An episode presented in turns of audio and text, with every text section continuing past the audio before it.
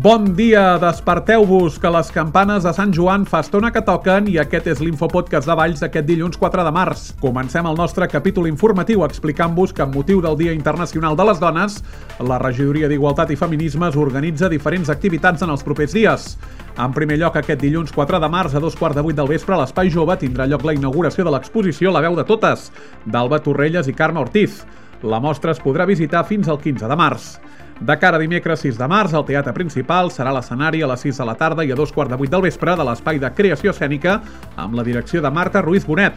A banda del manifest institucional del dia 8 de març, el dia 9 hi haurà la Pedalada de la Dona, una ruta de 45 quilòmetres de carretera i 25 quilòmetres de muntanya que sortirà a dos quarts de nou del matí des del pavelló Javi Tondo i Volpini. Al mateix dia també hi ha previst a les 11 del matí al pati el taller Conèixer per respectar, a càrrec de la tribu juganera.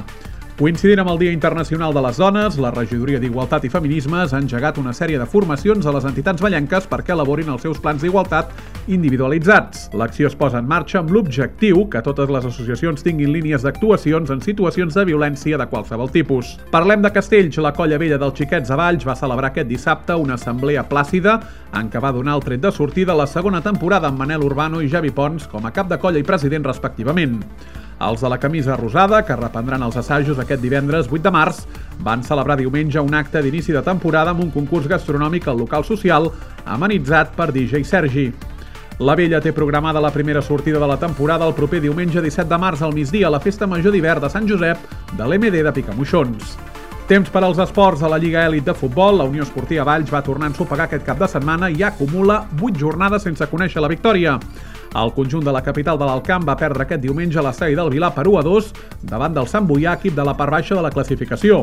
Tot i la desfeta, els blancs i vermells, que es presentaven al maig després de caure la setmana passada al camp del Rubí, es mantenen a dos punts de la zona de promoció d'ascens a tercera ref. Pel que fa a la zona de descens, es troba a 5 punts. De cara a la propera jornada, la UE Valls es desplaçarà al camp del Vic, equip de la part alta de la taula. L'enfrontament es disputarà dissabte a les 4 de la tarda. A Lliga EVA de bàsquet, el Club Bàsquet Valls Òptiques Teixidor va perdre aquest cap de setmana passat a la pista del Quarte de Huerva per 64-62. Encara que els ballencs mantenen la tercera plaça, aquesta derrota gairebé els allunya definitivament de les dues places per disputar el playoff d'ascens a l'Ep Plata, que ocupen el Sol Gironès Bisbal Bàsquet i el DM Group CB Mollet. A falta tan sols de 5 jornades de la Lliga regular, el CE Valls Òptiques Teixidor ja sense res en joc tornarà a jugar fora i visitarà el pròxim cap de setmana la pista del Club Bàsquet Martorell, equip de la part baixa i que en aquests moments és tercer per la cua. I això és tot per avui. L'Infopodcast Valls és una coproducció de Ràdio Ciutat de Valls i la xarxa de comunicació local. Gràcies per la seva atenció i fins demà.